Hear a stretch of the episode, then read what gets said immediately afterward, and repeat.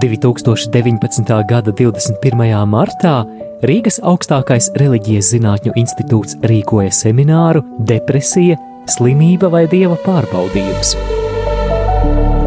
Piedāvājam ieskatu šajā seminārā.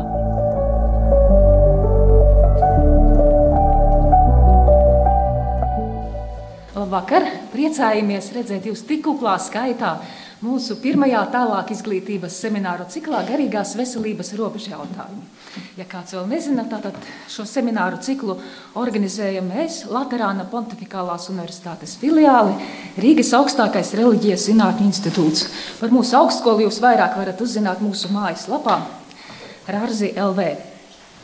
Mēs piedāvājam integrālu izglītību, kurā integrējam teoloģijas, filozofijas, sociālo un humanitāro zinātņu skatījumu uz cilvēku.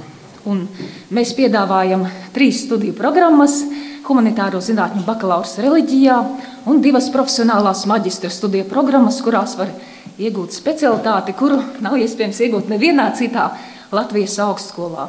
Tas ir kristīgās mācības, ētikas un filozofijas skolotājs un pastorālais konsultants, jeb pastorālais padomdevējs.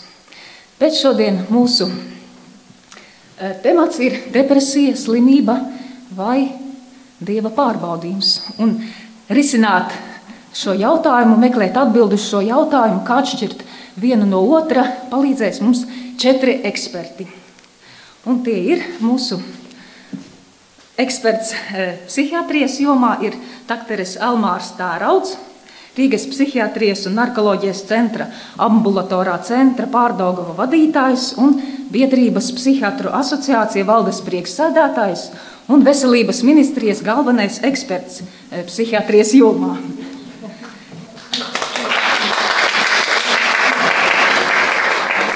Otra mūsu eksperte ir uh, Ilona Krone, kura ir ieguvusi doktora grādu klīniskajā psiholoģijā, ir certificēta klīniskā psiholoģija un kognitīvi behaviorālā terapeita un schēmoterapeite, kura strādā arī tajā pašā iestādē. Eh, kā psiholoģija, psihoterapeite strādā gan individuāli, gan grupās un vada arī depresijas pacientu grupas.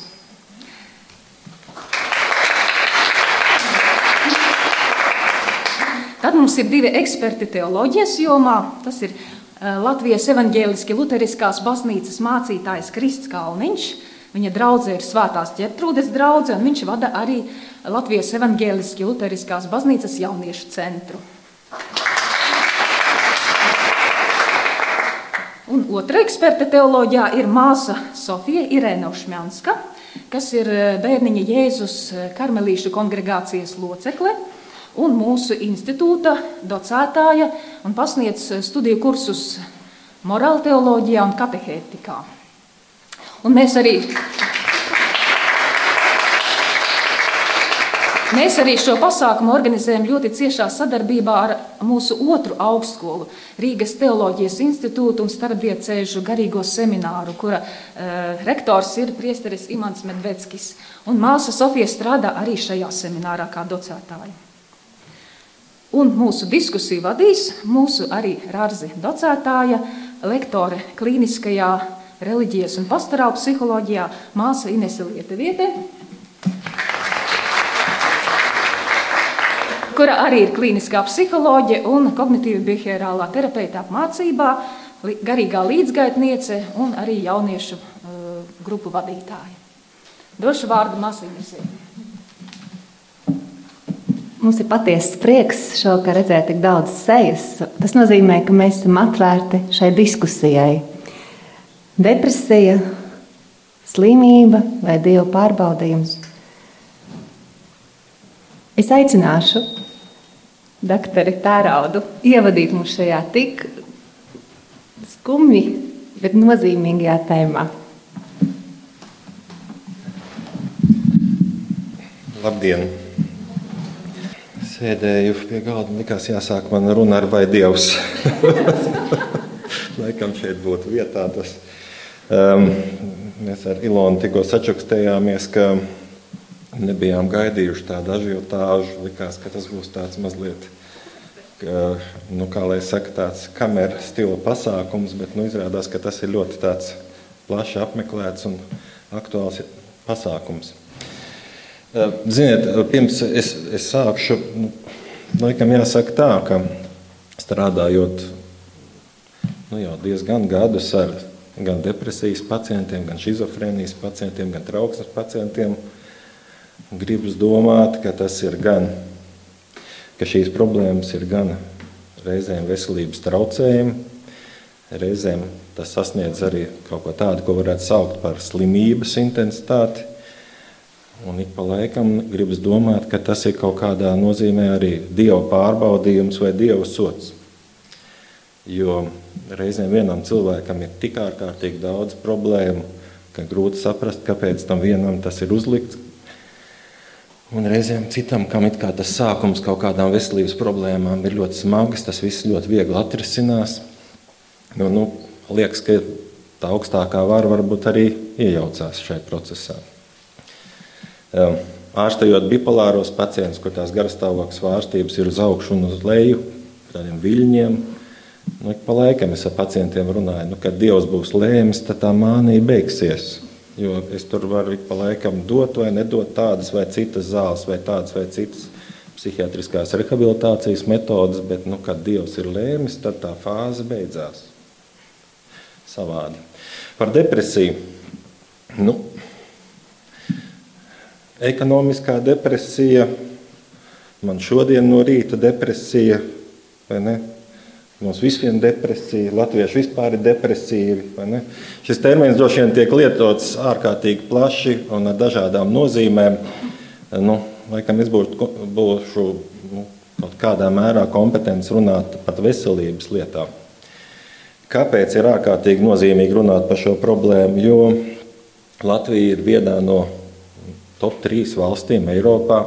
Pasaulē mēs neesam trīniekā, bet Eiropā noteikti saistībā ar pašnāvībām.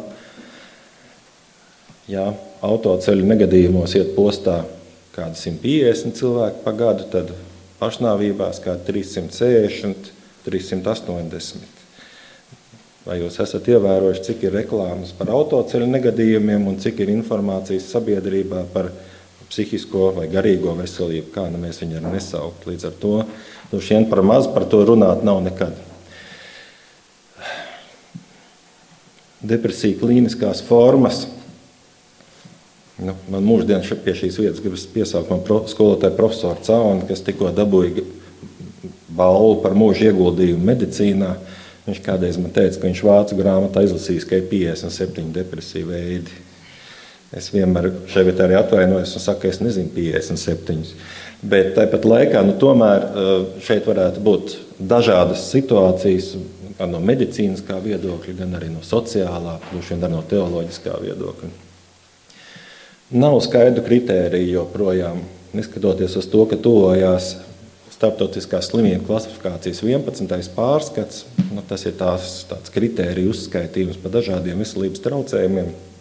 Tomēr tiek uzskatīts, ka šie kritēriji ir pārāk vispārīgi un bieži vien mums nedod skaidrs atbildes par diagnozi, kā depresija, kā slimība. Man bija tikko kardiologiem lekcija, tad profesors Kalvels, izcils internists, kardiologs. Man izteica kritiku, nu, ko te jūs psihiatri nevarat analīzes atrast, nu, kur tad vajag aparātus analīzes, lai būtu skaidrs. Es saku, nu, joprojām nav. Uh, Tātad dažādas izpratnes par cēloņiem, to par to parunāsim. Un, protams, ārkārtīgi pret, pretrunīgi uh, skatījumi ir uz depresijas atpazīšanu arī un uz ārstēšanu. Nu, tā vien šķiet, ka šai sabiedrībā visi zina, kā ārstēt psihiskas vainas. Nu, noteikti viņas un arī ārstēt, un ārkārtīgi pretrunīgi tas viss ir.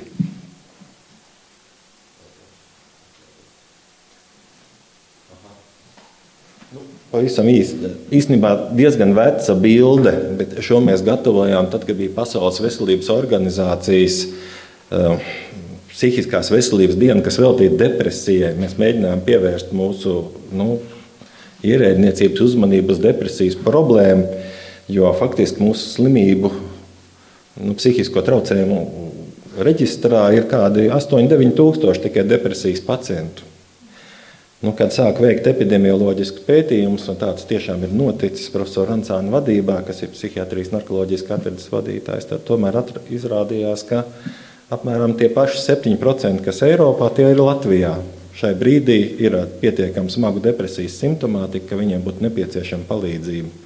Un tad, izveidojot div, divas piramīdas, paskatoties, kādu zaudējumu sabiedrībai nes pašnāvības un zaudētie darba gadi, Eh, produktivitātes zudums un, un, un, un cik tā ir galu galā tērēts uz veselību, izrādījās, ka nu, tās ir tomēr milzīgas summas.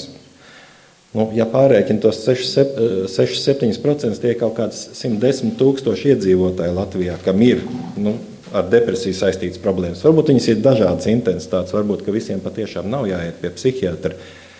Bet, jebkurā gadījumā, šo cilvēku ir ļoti daudz Latvijā. Viena no manām mīļākajām bildēm lekcijās par, eh, piedodiet, par 2010. gadu, bet jaunāk nav Eiropā epidemioloģiskā lielā pētījuma šobrīd vismaz. Šeit var redzēt, kādi ir vispār biežākie psihiskie traucējumi. Un, ja mēs skatāmies no, no apakšas šo diagrammu, tad uh, ar dažādu trauksmes veidu ir visbiežākie, kur, cilvēki, kur cilvēkiem nepieciešama palīdzība apmēram 14%, bezmiegs 7%, depresija turpat 7%, tad ir nu, vecuma plānprātība, demence, uzmanības deficīts, zināms, somatoformie traucējumi, ja veģetodistonija. Nu, tā izskatās apmēram Eiropas konteksts par dažādām vainām. Ja mēs paskatāmies, kā dažādi psihiski un neiroloģiski traucējumi ietekmē darba spējas, tad depresija ir pirmā vai otrā vietā izrādās saistībā ar psihiskām un neiroloģiskām vainām. Prognozes tiek izteikts uz 20. gadu, prognozes nu jau ir izteikts arī uz 30. gadu, ka faktiski depresija būs viens no svarīgākajiem, ja smagākajiem jautājumiem saistībā ar, ar, ar izmaksām, jeb nu, tādu ekonomisko slogu sabiedrībai. Cēloņi, gēni, ārējie faktori, psiholoģiskie faktori, Tas ietekmē izrādās mūsu smadzeņu struktūru, smadzenes sāk darboties nepareizi. Tad ir bieži vien arī kaut kādi palaidē mehānismi, tie ir kaut kādi biežāk sadzīves stresi, biežāk kaut kāda nu, pārslodze, nu, varbūt arī kāda terapeitiska slimība, un sākās jau psihiski traucējumi tādi vai citi.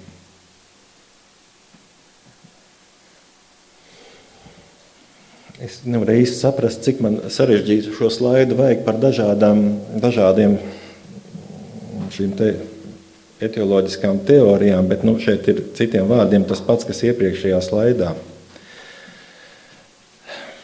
Piedzimst cilvēks, kuram ir bieži vien zināma gatavība, vai viņi vienmēr iz, realizēsies dzīves laikā. Droši vien, ka nē. Tomēr, tomēr ja ir tuviem radiniekiem, depresija, vai arī citos gadījumos schizofrēniskā spektra traucējumi, vai vēl citu traucējumu. Protams, tie riski ir augstāki, par to īsti neviens medicīnas aprindās nešaubās. Um, kādreiz runā par to, ka depresija ir nu, teikt, neirodeģeneratīva slimība, vai, pat, vai arī tieši pretēji, ka depresija ir slimība, kas, um, kas ir saistīta ar smadzeņu attīstības īpatnībām. Iespējams, ka paralēli ir abi procesi. Ir daudz publikāciju starptautiskā medicīnas presē par to, ka, ka smadzeņu struktūra cieš. Un visvairāk viņi cieš tomēr no tiem faktoriem, kas ir saistīti ar trauksmi un ar stresu. Un tur piedod, ir tāds hormons, kortizols, varbūt kādreiz ir dzirdēts virsnieku hormons, kas izdalās pie stresa. Un tas ir viens no tādiem vadošiem faktoriem, kas īstenībā arī smadzeņu struktūru tra, nu, bojā, traucē. Un, ja ir ilgstoši, šāda negatīva ietekme uz smadzenēm, tādā gadījumā nu, smadzenes sāk darboties aplami, nervu šūnas kļūst nu, nepilnvērtīgākas, sliktāk savstarpēji komunicē un, un tādā sliktāk regulē nu, veselību jau kopumā. Visa veida vardarbība, emocionāla, psihiska, seksuāla, īpaši bērniem, kas traucē tālāk smadzeņu attīstību, īpaši pusauģu vecuma krīzes, kas netiek pareizi atrisinātas, visā dzīves garumā, ja ir, ja ir dažādi ilgstoši stresori, tie, protams, paaugstina riskus uz, uz visām psihiskām vainām, piedodiet, bet arī uz terapeitiskām vainām, arī uz neiroloģiskām vainām, bet nu, šajā gadījumā uz depresiju. Un tad jau, nu, tad jau ir arī dažādas smadzeņu struktūras nepilnvērtīgas kaut kādā nozīmē, nepietiekami tā sauktā serotonīna sistēma, noradrenalīna sistēma, dopamīna sistēma, smadzeņu plasticitāte, ja spēja atjaunoties nav pietiekama. Un tas, protams, viss zināmā mērā ir saistīts ar depresiju no tāda bioloģiskā skatījuma.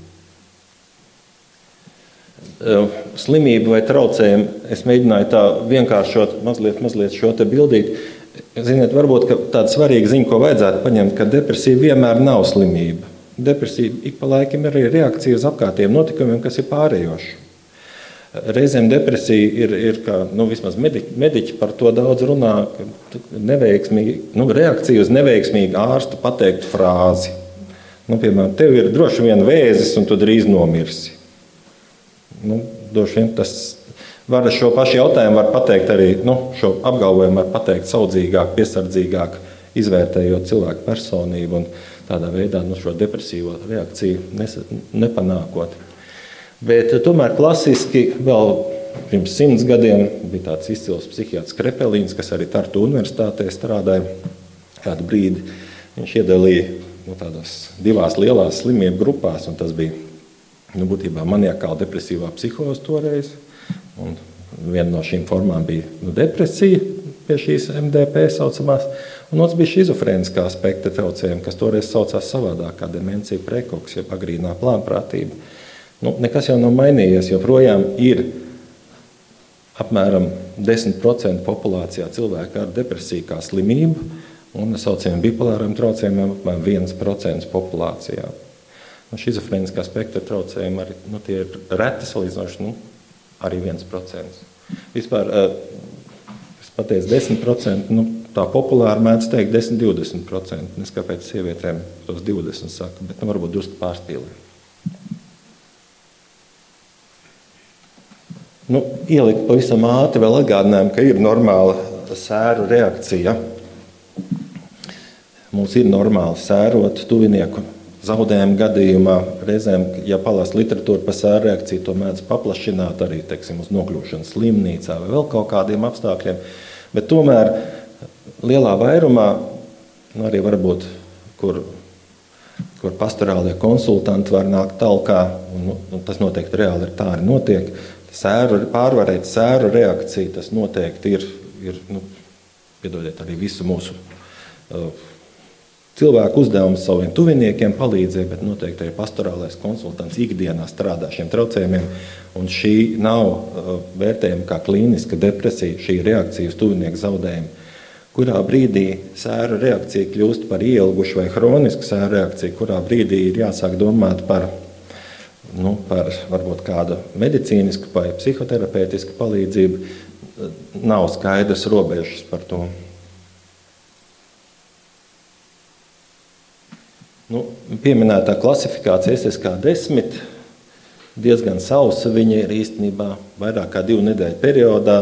Cilvēkam ir bez iemesla nomākts garastāvoklis, nav interešu, spēja izjust prieku, nogurdināmība, enerģijas trūkums un tā sauktie depresijas mazie simptomi, ko tur var redzēt. Tātad pārmērīga vainas sajūta, zems pašvērtējums, suicidāls domas vai uzvedība gausa domāšana, gausas kustības, pazemināta seksuālā vēlme un tā tālāk. Nu, šādi ir tie kritēriji. Eh, ja kādam piekdienas novakarē liekas, ka ir depresija, es ieteiktu iet mājaslapā depresija LV un tur var aizpildīt šo te starptautiski atpazīstamo testu, kuru mēs arī mēģinām sākt biežāk izmantot. Tas ir pašvērtējuma tests, kur īstenībā ir uzskaitīti gandrīz visi tie paši kritēriji nu, tad tādā skaitliskā izteiksmē reizēm cilvēkiem ir vieglāk saprast. Kad viņš runā ar ārstu, tad, tad viņš beigās ārstam pārmet, nu, ko tad, ko tad, kā, kā tu noteici to diagnozi. Nu, ja ciparos pasakot, ir tomēr. Ja? Nu, tā tad ir tāda iespēja. Nu, pārlecot uz priekšu, ko tā var darīt ar depresiju? Nu, divi lieli vaļi, uz ko balstās depresijas ārstēšana medikamentozā palīdzība un psihoterapija. Apkārt tam ir dažādas citas metodes, gan fiziskā aktivitāte, gan dzīvesveida pārmaiņas, gan auga līdzekļi, gan netradicionālās terapijas metodes. Un tad es atļāvos tādu vēl vienu gaišu zaļu tādu, kas tas sešstūris, iezīmēt, nu, ir metodas bez jebkādiem pierādījumiem, bet nu, ir ļoti daudz cilvēku, kas tiešām nu, grib palīdzēt ar visu sirdu dvēseli, bet medicīniski pierādījumi tam nav. Pavisam īsi psihiatru asociācija izstrādājusi depresijas vadlīnijas, viņas droši vien kaut kur internetā var atrast. Vēl vairāk mēs šobrīd strādājam pie tādiem valstiski atzītiem algoritmiem, kas Latvijā būs kā nu, negluži ar likumu spēku, bet tomēr nu, depresija tā kā visur pasaulē, tad īstenībā nu, mēs balstamies uz starptautisku pieredzi arī savu rekomendāciju ieviešanā. Un ir tāds NICE, National Institute of Clinical Excellence, kas latviešu varētu būt nu, Kliniskās ekscelences Nacionālais institūts. Jā, var internetā atrast šīs vadlīnijas. Nu, mēs uz viņām balstāmies. Ir pavisam jauna redakcija, vēl, vēl projekta versijā. Nu, īstenībā ar vien vairāk īsumā paliek psihoterapeitiskās liet, psihoterapeitiskās rekomendācijas, veselīga dzīvesveida rekomendācijas. Viņas ir nosauktas diezgan dažādos sarežģītos terminos, tā kā piemēram zemes intensitātes psihosociālās intervences.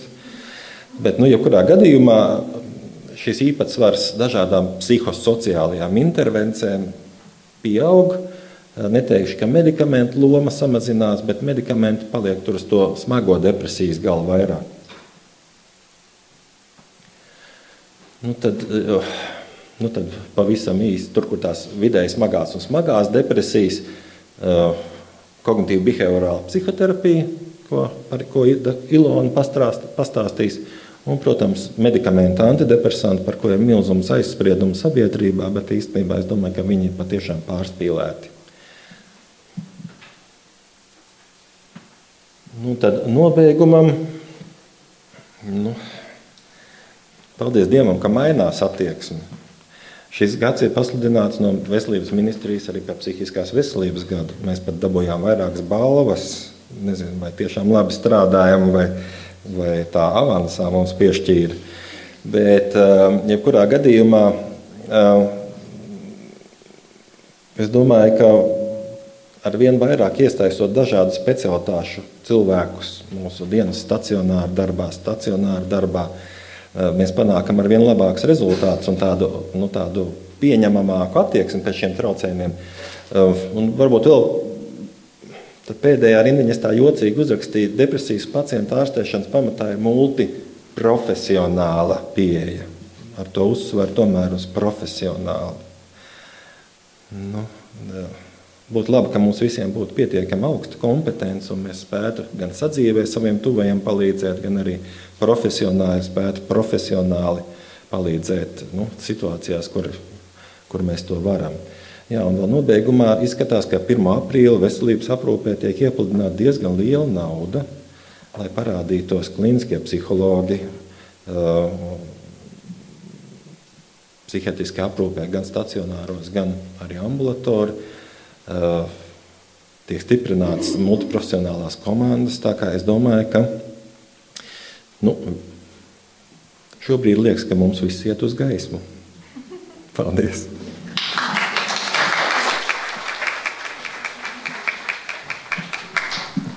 Sirsnīgs paldies, Tērāt kungs, par jūsu profesionalitāti, par šo ļoti vērtīgo ieskatu un arī par cilvēciskumu. Jo sabiedrībā bieži vien saka, ko ārsts tev nestāsta, bet jūs mums visu izstāstījāt. paldies!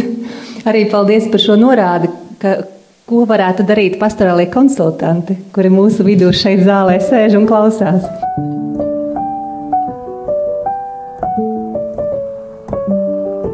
Izskanēja fragments no semināra Depresija, slimība vai dieva pārbaudījums.